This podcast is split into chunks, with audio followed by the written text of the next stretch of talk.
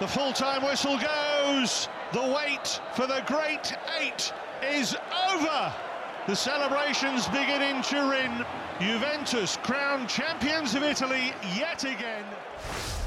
But finally, we know it. First place in the Premier League does go to Manchester City. It's paradise retained for Pep. Liverpool are the champions of Europe sixth time. Drink it in, feel it. It is an astonishing achievement.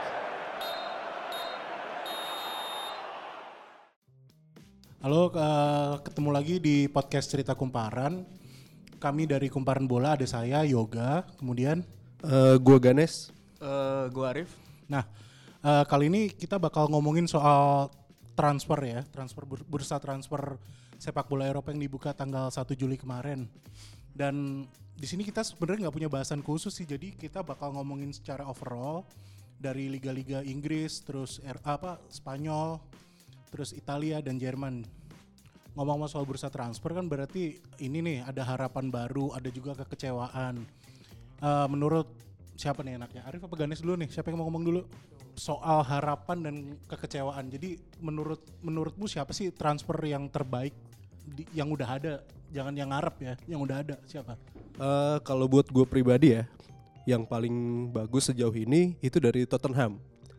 Mhm, Kenapa? Dapetin Tanguy Ndombele. Eh karena kalau ngomongin transfer terbaik itu parameternya pasti banyak ya dan kita juga pasti belum bisa ngomongin terbaik kalau misalnya belum ada buktinya. Tapi eh Ndombele ini emang sesuai dengan kebutuhan Spurs dan ternyata harganya juga nggak begitu mahal. Gue baca di Telegraph harga Ndombele itu total sama bonus cuma 64 juta. Kenapa cuma tuh? Cuma karena Ndombele itu umurnya baru 22 dan udah digadang-gadang sebagai salah satu gelandang muda paling bagus di Eropa saat ini.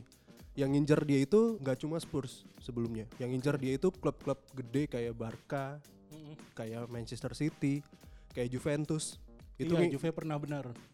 Itu ngincer dia gitu. Dan eh, menurut gue eh, Spurs bisa dapetin dia itu udah jadi bukti kalau mereka sekarang udah termasuk ke dalam jajaran salah satu klub paling gede di Eropa. Iya, klub elit ya. Terus eh, kira-kira ini si Ndombele bakal ngasih apa sih ke ke Spurs? Gelandangnya Spurs itu kan sempet agak soft ya, abis ditinggal sama Moussa Dom, Mo- Moussa Dembele Mhm. ke Cina. nah, Ndombele itu bakal ngasih ngasih itu. Bahkan bisa dibilang eh, Ndombele itu sekarang udah lebih bagus daripada Dembele sebelum pas masih di Spurs. Oke, soal dribble, soal power, Ya. muscle, dia ngasih bisa ngasih muscle ke lini tengah itu ya. Nah, kalau Arif gimana Rif? Siapa Rif? Liverpool belum ngapa-ngapain Rif? Oh Gimana, iya nggak apa-apa lah emang tim terbaik di dunia bebas deh. Oke.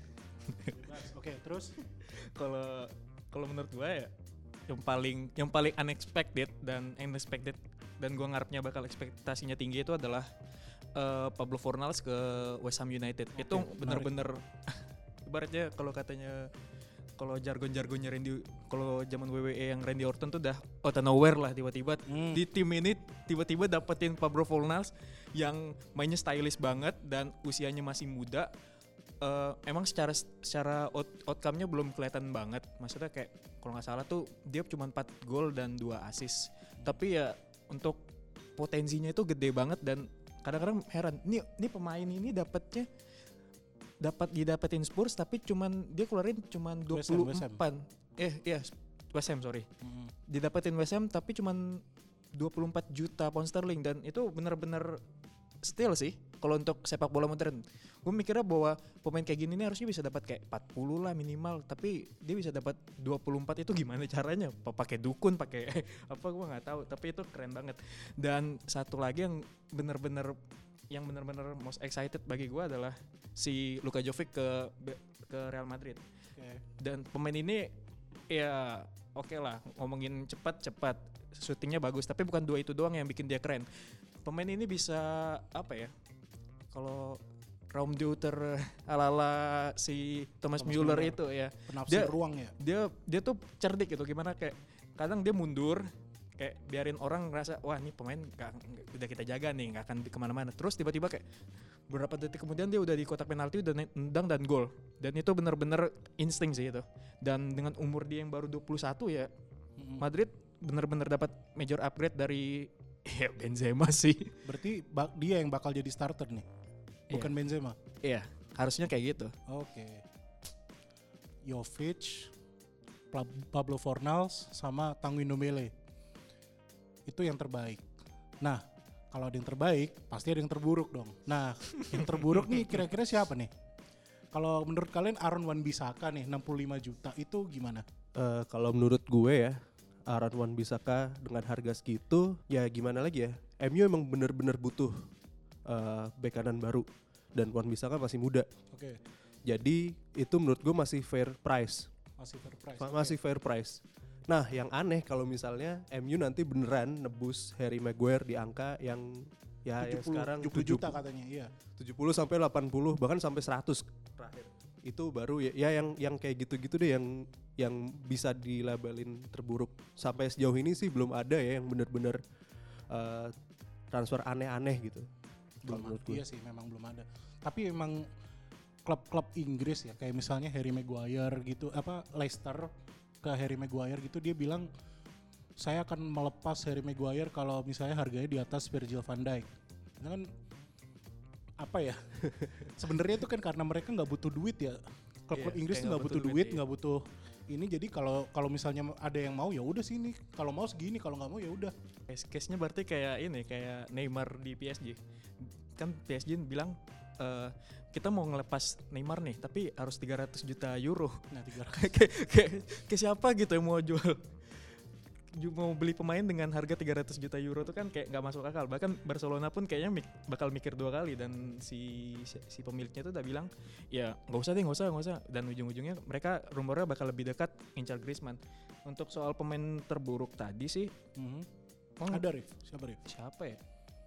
So far ya belum ada tapi mau kalau misalnya Aaron Wan Bisaka juga ya ya overpriced sih menurut menurut gue kalau beda sama Ganes ya Hmm. overpriced tapi ya gue mikir juga kalau kata United Extra gue baca di Twitter Mhm. itu adalah pajak MU gitu maksudnya pemain-pemain yang MU tuh kalau misal ketertarikan tuh kelihatan banget dan tim-tim tuh nggak tahu kenapa ya kayaknya tahu gitu MU punya duit jadinya kayak ditawar mahal dan MU ujung-ujungnya kayak ya karena ke kebodohan manajemennya juga sih kayaknya Mhm. nggak bisa nawar emang kayak harus belajar sama ibu-ibu di pasar Oke. dan dan ujung-ujungnya mereka harusnya beli mahal soal Maguire tadi gue inget musim lalu itu mereka juga ngincar Maguire kalau nggak salah tapi Iya. di, di era mu- dan Mourinho itu masih pengen Mourinho kan Iya, terus Mourinho kayak pengen. kayak kayak Ed Woodward bilang enggak enggak enggak. kita kita nggak butuh pemain kayak gini musim depannya dia datang datang lagi buat datang buat beli Maguire dan harganya tuh udah kayak naik dua kali lipat gitu Ini sama kayak ini sih kasus Vela ini inget nggak?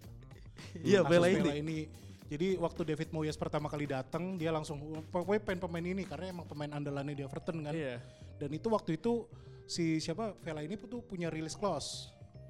Kalau nggak salah berapa ya agak lupa juga. Pokoknya release clause itu nggak terlalu tinggi lah. Cuman manajemen tiba-tiba ah enggak antar aja. Akhirnya Vela ini sign kontrak baru. Di sign kontrak barunya itu nggak ada release clause-nya. Akhirnya harganya lebih mahal. ya begitulah. Kelakuan kelakuan MU emang kayak gitu sih. Kalau ngomongin transfer aneh sebenarnya ada satu eh, saat ini ya, u- u- apa dilakuin sama PSG, PSG Paris Saint Germain. Mhm. Mereka beli eh, Pablo Sarabia dari Sevilla. Mhm. Nah, si Sarabia ini rilis clause-nya cuma 18 juta euro. Cuma 18 juta euro. Nah, tapi si PSG ini beli Sarabia eh, nebus Sarabia dari Sevilla dengan harga 20 juta euro. Katanya sih si si siapa namanya? Si PSG ini eh, ngasih lebihan 2 juta euro ini buat ya buat apa ya buat duit terima kasih lah ke Sevilla tapi tetap aja aneh gitu maksudnya kalau kalau di bola itu release clause segitu ya udah itu berarti lu bisa dapetin dia gitu Nih, itu mungkin gini ya, nggak tahu sih. Kemarin kan si Sevilla kan barusan dapat Monchi lagi. Artinya mereka dalam waktu dekat kemungkinan bakal jadi pabrik pemain lagi. iya Jangan-jangan PSG tuh kayak nih pokoknya ntar ini ya simpenin ya simpenin pemain bisa bagus. licin bisa gitu ya bisa jadi Eh, ntar deh, kita balik lagi ke MU dulu deh. Kira-kira Harry Maguire itu jelas dibutuhin ya back tengah yang bagus ya. Ada lagi nggak sih kayak misalnya gelandang gitu siapa ya kira-kira ya? Bruno Fernandes gimana Bruno Fernandes? Eh, Bruno Fernandes Bruno Fernandes sebenarnya eh, bisa jadi rekrutan yang bagus ya buat MU ya Mhm. dia golnya kalau nggak salah musim lalu itu total sampai lebih dari 30 Oke. sama Padahal gelandang ya sama dia ya. Sporting padahal dia gelandang dia Oke. punya kemampuan uh, set piece yang bagus terus bisa playmaking juga nah di MU kan kebetulan juga playmakernya nggak ada selain Juan Mata Mhm, Bener. nggak jadi ada. jelas Fernandes butuh cuman uh, prioritas mereka sebenarnya per- apa perlu dipertanyakan kalau mereka beli Fernandes dulu tapi nggak beli back beli back tengah maksud gue Mhm, mhm. karena di uh, Premier League musim lalu itu MU tim yang jumlah kebobolannya paling banyak di antara tim-tim top 6 ya makanya mereka peringkat 6 Oke. jadi emang prioritas pertama mereka mesti nge memperbaiki uh, lini pertahanan dulu terutama di back tengah ya yang sejauh ini ya isinya Ya. kayak gitu Oke. Iya. Ha. Itu di Persija juga nggak pakai kayaknya ya. Nggak pakai Phil Jones apaan itu? Ih. Apaan itu? Jadi tapi gini, misal gini. Pertahanan itu kan nggak semata-mata soal back tengah, nggak semata-mata soal pemain belakang. Jadi kayak ada sistem yang ini. Kira-kira misal gini, katakanlah dengan mendatangkan Bruno Fernandes, MU itu bisa menguasai bola dengan lebih baik, menguasai permainan dengan lebih baik, dan ujung-ujungnya jumlah gol pun yang bersarang di gawang mereka bakal berkurang. Itu gimana Rif kira-kira? Masuk akal nggak ya kayak gitu tuh? Masuk akal sih. Gue lebih mikirnya bahwa MU harusnya lebih prioritasin lini tengah daripada daripada area yang lain ya. Bukan Hmm. bukan artinya bahwa mereka mereka nggak harus mikirin tentang masalah lini belakang saat Phil Jones dan Chris Smalling jadi jadi duet di di belakang. Mhm. Tapi gua ngerasa bahwa midfield ini adalah kunci. Lu lu nyerang, lu nyerang lewat tengah, lu bertahan juga lewat tengah. Dan kalau misalnya lu bisa mendominasi ini ya ya lu bakal menang. Dan apalagi ini mainnya kan kalau katanya oleh mainnya kalau Solskjaer kan dia mainnya ini dari ngandalin ngandalin banget midfield gitu. Dan gua ngerasa bahwa ini bakal menjadi kunci buat United untuk Oke. naik lagi. Tapi ya tetap ini ya, ujung-ujungnya tetap semua harus dibenerin ya. Iya, semuanya harus benerin, cuman ya bertahap lah.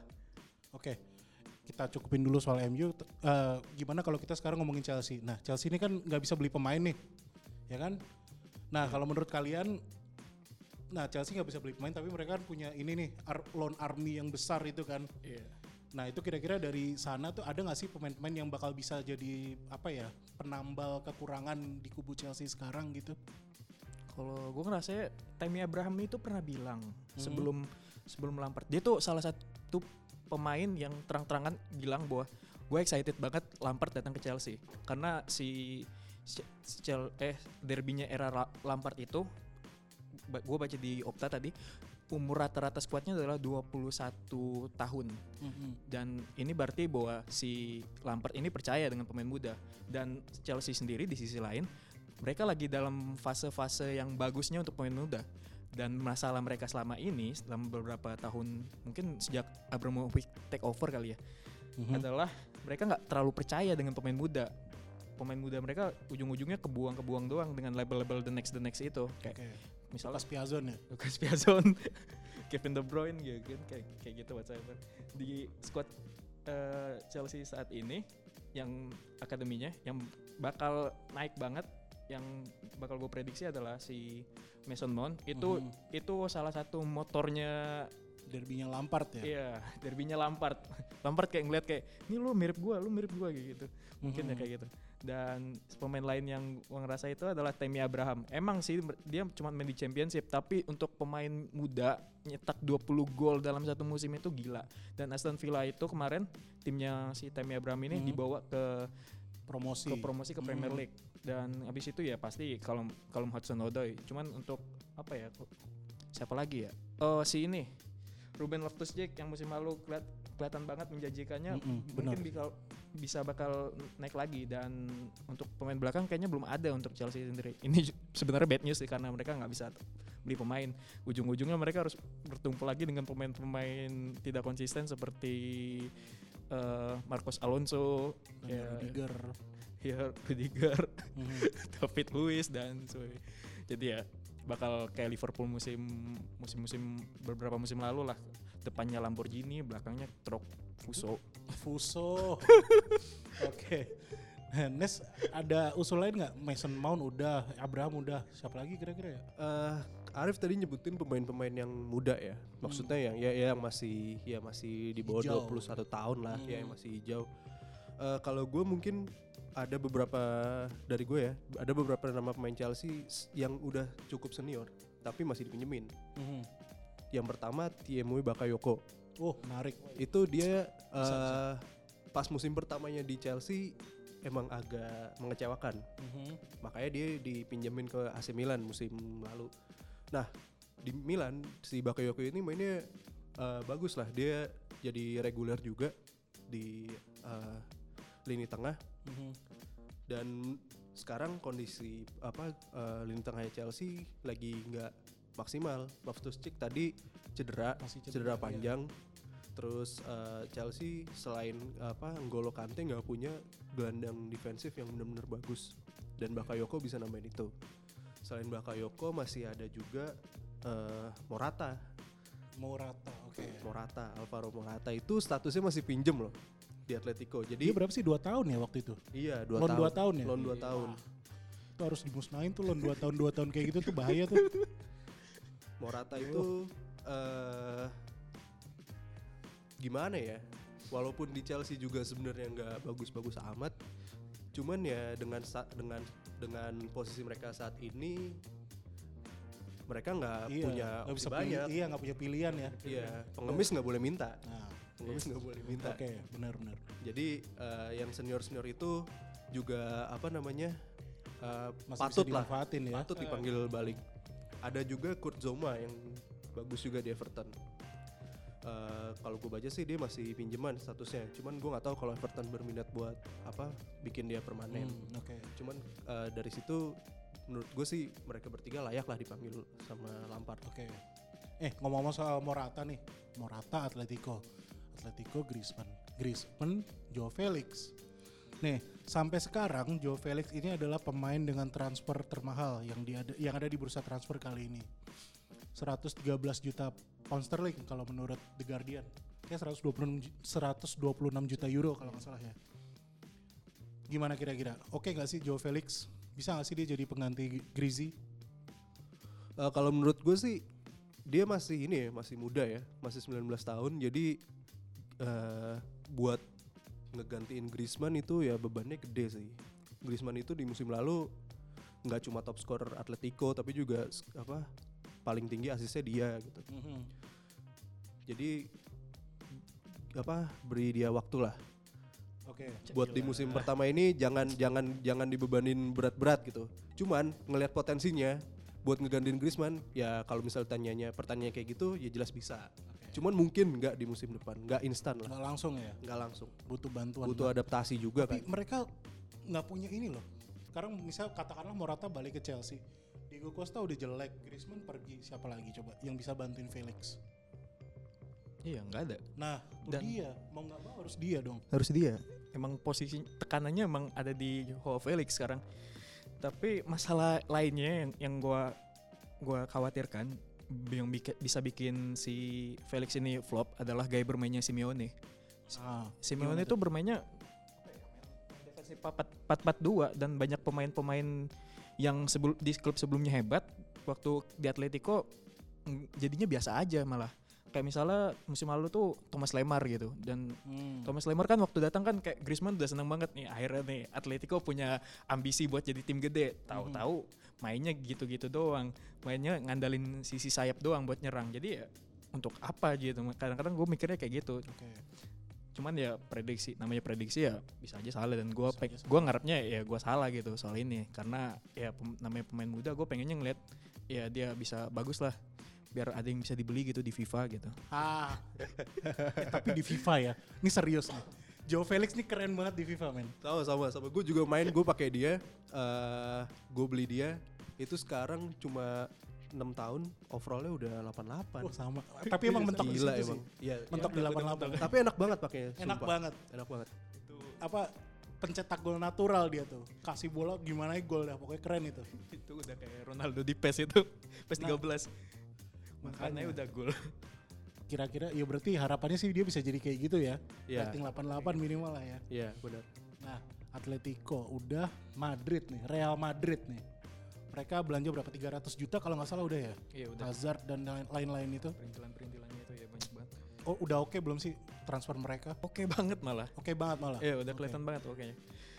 Ma- kelihatan kelihatan banget tim ini aduh kurang ajar ya. Pokoknya tim serius gitu ya. kayak aduh fans Madrid nih fans paling bahagia seluruh dunia gitu masalahnya. Apa aja dapat. Satu musim jelek ya udah kayak kayak kayak anak orang kaya gitu nangis nangis nggak dapat nggak dap nggak dap nggak bisa beli es krim terus papanya bilang ya udah kita besok beli pabriknya No, kan kurang iya benar. ajar gitu Iya benar benar. Kayak- benar. kayak gitu maksudnya kayak tim ini ya Allah sedihnya juga cuman peringkat tiga gitu. Tim-tim lain kayaknya peringkatnya kayak lebih jatuh lagi. Roma misalnya kayak peringkat tujuh. Ini tim ini hitungnya kegagalan tuh peringkat tiga gitu. Nggak habis pikir. Bener sih, standarnya ketinggian emang susah Standarnya emang. ketinggian. Benar benar. pemain kayak Bell aja dibu gitu masalahnya. Tim ini bener-bener aduh nggak bisa habis pikir. Tapi ya menarik. Mereka datangin pemain yang bener-bener sesuai kebutuhan mereka. Ferland Mendy di sisi fullback buat eh, buat ngeganti si Marcelo yang udah udah mulai tua si ya tadi yang gue bilang si Luka Jovic yang buat regenerasi lini serang juga striker lebih tepatnya Eden Hazard ya winger Eden Hazard? Iya, winger tapi ya gak cuman bisa jadi winger, bisa juga jadi playmaker ya. Komplit ya. Ya, terus Rodrigo juga mungkin buat ngasih tekanan buat si Vinicius juga dan ya tim ini bener-bener waduh kalau kalau fans Madrid marah-marah lagi nih gara-gara tim ini gua nggak tahu lagi ya apa yang di benak mereka. Iya. Eh, yang harus diapresiasi dari Madrid juga gimana mereka ngejual-jualin pemainnya. Oke. Jadi Menarik nih gimana jadi nih? transfer itu kan nggak cuma masuk ya, transfer itu juga keluar gitu. Mhm. Gimana caranya lo menye- menyeimbangkan neraca keuangan lu ya. Ntar kalau enggak lo kayak ya yang klub-klub kena FFP gitulah. Siapa siapa siapa? Enggak apa-apa. Milan gitu. Nah, eh, mereka bisa ngejual pemain-pemain yang ya yang bahkan nggak pernah mereka pasang kayak misalnya Raul de Thomas. Ada striker namanya Raul de Thomas itu mereka jual ke Benfica. Harganya sampai 20 juta euro. Oke, 20. Nah, Oke. Mhm. itu itu menurut gua sebuah pencapaian juga gitu loh. Gimana caranya lo bisa ngejual pemain yang nggak pernah lo pakai sama sekali dengan harga yang tinggi. Oke. Jadi eh, transfer Madrid di bursa kali ini itu menurut gua ya hampir perfect lah. Hampir perfect. Oke. Ya ntar kita tunggu sampai sampai apa, hasilnya sih ya. sampai deadline day nanti Oh iya, ha, ha. gimana masih ada lagi gimana siap siapa lagi yang mereka jual kayak Hames masih masih tahap negosiasi sama Napoli Aduh terus iya Hames. Gareth Bale juga masih ada masih ada eh, yang apa masih pengen mereka jual gitu. Nanti mm-mm. kita lihat gimana apa gimana mereka di deadline day. Kalau misalnya mereka bisa bener-bener net spendnya itu nggak jauh-jauh amat gitu. Mhm. Perbedaan antara jual dan belinya nggak jauh-jauh amat. Itu perfect sih menurut gue. Buset ngomonginnya net spend kayak fans Arsenal. terbiasa bergerak di ini ya, di limit ya susah emang. Aduh. Aduh. Aduh. Eh, bicara soal Hames nih, berarti kita harus bicara soal Bayern. Bayern ini adem ayem nih, padahal mereka kehilangan banyak pemain loh. Ribery, Robben, siapa? Rafinha, Hummels. Hummels. Tapi ya itu sampai sekarang mereka masih kayak adem-adem aja kayak mereka seakan-akan kayak tahu deh gimana. Kira-kira gimana? Sementara si Dortmund ini agresif. Dia datengin empat pemain itu kan, Nico Schulz terus Nico? Schultz, Torgan Hazard, Torgan Hazard, si siapa lagi sih lupa. Si ini loh, Julian Brand. Julian Brand Iya. sama Hummels. Nah, kira-kira itu bakal jadi ini nggak sih pertanda bahwa ntar yang juara tahun depan Dortmund nih bisa nggak? Bisa. Sangat bisa nggak? Gue ngerasanya bisa karena si Bayern juga lagi di fase transisi. Fase transisi di mana lini belakang lini belakang mereka sekarang tinggal gak terlalu banyak pemain ya. Dan gue ngerasa bahwa kalau misalnya si misalnya kayak Pavard yang baru dibeli atau misalnya Lukas. Lukas Lukas Hernandez dibeli cedera terus ya berarti tinggal siapa? Sule dong bisa diandalin di lini belakang. Iya sih. dan itu masalah Dortmund musim lalu dan Iya, itu iya. masalah Dortmund masalah musim lalu udah kenceng-kenceng di awal di tengah musim tiba-tiba cedera cedera cedera ya Hmm. hasil negatif hasil negatif muncul muncul nyalip kayak gitu bisa bisa jadi dan gua ngelihatnya juga si baik si Dortmund ini ngebelinya pintar banget. Dia beli pemain-pemain yang yang apa ya, yang mau ke peaknya. Misalnya Hmm, kayak mau ke Julian, peak, bener. iya, Hmm. Julian Brand itu mikir itu juga kurang ajar sih istilahnya selain Pablo Fornals tadi yang gue bilang. Dia cuma dibeli cuma 20 juta kalau rilis. Liverpool itu ngincar loh padahal. Bisa nawarin lebih lah ibaratnya. Bisa kayak PSG lah ngasih uang terima kasih buat dapetin Julian Brand. Cuman dia milihnya si ke Jerman juga karena dia belum siap untuk merantau itu kan. Dan Dortmund ya ya kalau nggak kemudian ya Dortmund sih tim dua terbesar di Jerman. Torgan Hazard itu bisa main di berbagai posisi. Jadi misalnya si Dia kalau nggak salah back juga bisa deh, back sayap. Iya, fullback fullbacknya bisa. Dan itu bisa nyesain banyak banget masalah Dort, Dortmund musim lalu. Misalnya kayak waktu Al- Alcacer nggak lagi nggak bisa dimainin. Musim lalu kan kacau banget kalau misal Alcacer nggak main, ya udah Marco Reus jadi striker. Ya Reus udah lewat peaknya, cuman datang buat nostalgia nostalgiaan doang ke Dortmund sebenarnya.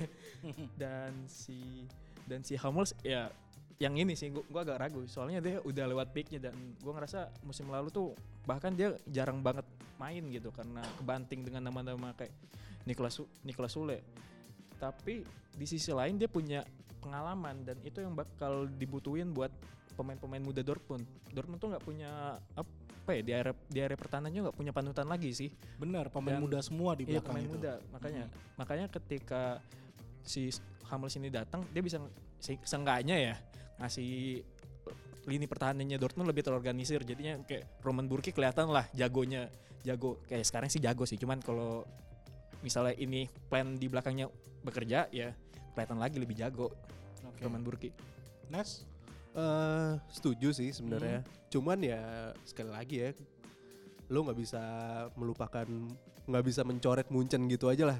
Bayern Liga gitu ya iya, mereka tuh gimana ya? Ya kita lihat aja musim lalu eh, pas apa si Niko Kovac baru masuk, mereka sempet sempet Jelek. sempet jeblok gitu.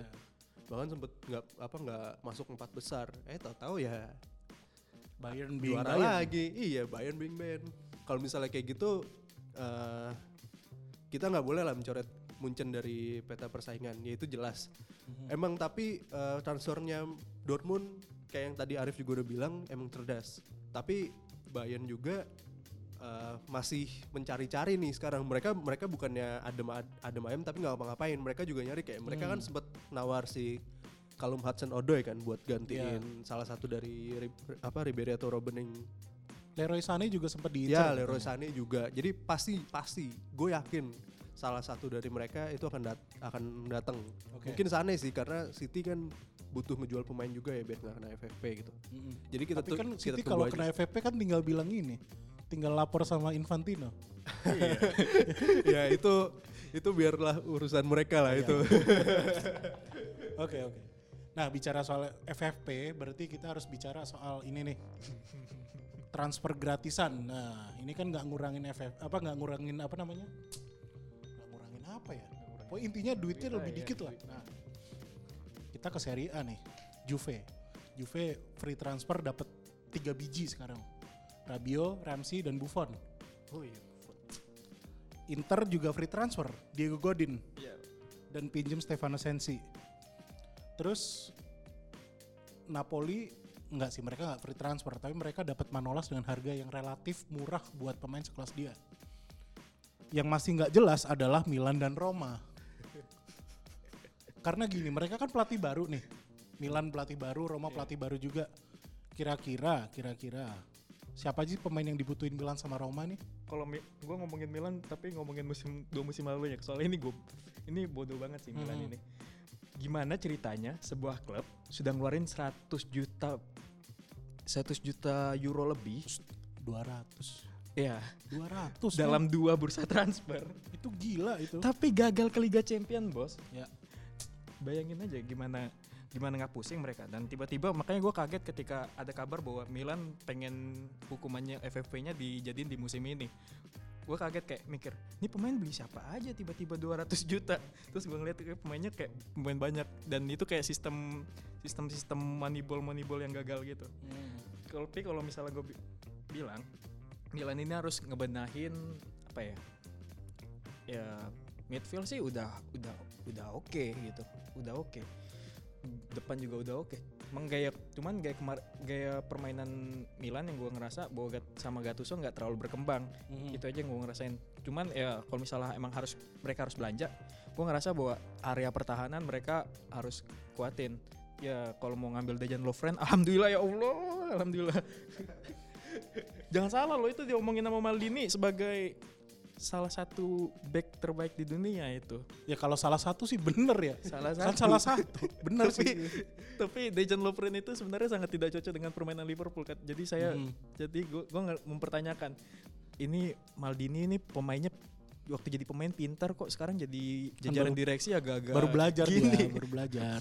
gak ada gak ada mentornya kali ya Mhm. gak tesnya agak-agak jelek gitu Iya. selain itu juga fu- fullback juga harus dibenahin Milan itu Mereka udah beli ini kan kemarin si Theo Hernandez kan. Iya Theo Hernandez itu dan itu bagus banget daripada ya Ricardo Rodriguez ternyata nggak sebagus ya di FIFA ya Karena ini sih Ricardo Rodriguez ini kan iya. nggak cepet dia. Gak cepat, iya, Mm-mm. gak cepat. Iya, itu masalah masalah Milan itu. Jadi transisinya ketika midfield gak jalan, ya udah tamat. Iya, sementara ini kan si pelatihnya si Marco Giampaolo ini kan pakai pakem 4 4 2 diamond ya. 4-2 Jadi diamond, ya. Otomatis fullback mereka harus bakal, bakal agresif. banget. Bisa jadi si Calabria juga ya kanan berarti ya. Calabria Kanannya ya. Mm-mm. Bakal bakal diandalin. Kalau untuk Roma sama Andre, Andrea Andrea Conti bener ya Andrea Oh Conti. ya Conti Conti ya benar. Andrea Conti. Kalau untuk Roma, aduh. Susah sih jelasin tim ini. tim ini Gimana nih gimana? Aduh, kayak Lego bos. Udah dibangun gede-gede bagus-bagus, ada bocah perang hancur udah ngebangun lagi dari awal. Selalu kayak gitu di, di tiap musim. Tapi Pa- Paulo Fonseca ini pelatih yang jenius. Mhm. Ya kalau misalnya track record dia bisa bawa Shakhtar Donetsk sekali-sekali jadi tim kejutan di Liga Champion ya apa salahnya sih nge-expect ag- cukup gede dengan dia di Roma gitu. Cuman ya masalahnya apa ya mereka harus ngebenahin paling krusial adalah lini belakang setelah pindah Kostas Manolas. Ini ini menarik dan ini mungkin lucu juga. Si Roma itu ngincar Mark Batra duluan dan ditolak 25 juta. Terus mereka beralihnya ke Alderweireld. Alderweireld dan itu kayak Itu ini ibaratnya lu ngeliat waduh kita mau beli mobil angkot nih wah tapi duitnya nggak cukup kita beli Ferrari aja kali ya itu kan kayak ngapain coba dan secara kualitas juga Alderweireld juga lebih jauh lebih baik sama Batra dan yang paling plusnya lagi adalah Alderweireld ini udah teruji di tim-tim Eropa sedangkan Mhm. Batra ini punya masalah ketika dia harus merantau dan itu yang gue pikir bahwa area per, per- kalau misalnya mereka datangin Alderweireld ya seenggaknya ya agak lumayan lah area Oke. pertahanan mereka Oke. Nes, Eh, ada kalau- saran buat Milan Roma? Kalau Milan ya ya udahlah mereka fokus untuk ngebenerin untuk rebuilding dulu aja. Oke. Ngebenerin FFP segala macam. Ke- kemarin kabarnya Donnarumma mau dijual ke PSG, ya udah silahkan aja gitu. Nggak apa-apa lah rebuilding kayak tim-tim NBA gitu, ancur-ancuran dulu Bentar ya, kalau- buat ngebangun. Kalau Donnarumma dijual yang gantiin siapa dong? Katanya sih Donnarumma itu bakal ditukar plus cash ya, ditukar sama Alphonse Areola. Oh, oke. Jadi ya udahlah bakal bakal ada gantinya gitu. Oke. Itu untuk Milan. Jadi ya mereka fokus ke situ dulu aja. Untuk Roma gimana ya? Ya sama lah kayak kata Arif. Eh musim musim kemarin sempat dapat pemain-pemain bagus kayak Alisson kayak salah tapi dijual-jualin. Hmm. Nah, mudah-mudahan aja sekarang pemain-pemain yang lebih bagus-bagusnya yang kayak siapa ya? Pellegrini, Lorenzo Pellegrini dan yang lain-lain itu dipertahankan gitu loh. Mhm. Setengahnya mereka bisa lah buat apa ngedobrak Juventus. Mhm. Udah itu aja dari gue. Oke. Ini terakhir sih satu ini aja jawaban singkat aja ya. Transfer terbaik di Inggris klub mana yang lakuin? Sejauh ini ya kayak tadi gue bilang Spurs. Spurs, sama gue Spurs juga Itali, Itali Juve Juve, jelas Jelas, jelas. Spanyol, Spanyol eh, Real Madrid Ya, Real Madrid pertama, Atletico kedua. Jerman, Dortmund sepakat. Jerman, Dortmund. Kalau Prancis nggak nggak ada yang ngikutin ya? Farmers siapa sih yang ngikutin di sini? Oke. Yaudah kalau gitu eh, gitu dulu deh podcast dari kami kumparan bola untuk kali ini. Semoga mencerahkan, semoga menyenangkan. Thank you. Bye. Yup Bagaimana ulasan dari kumparan bola tadi? Semoga menambah informasi Anda tentang bursa transfer musim panas 2019.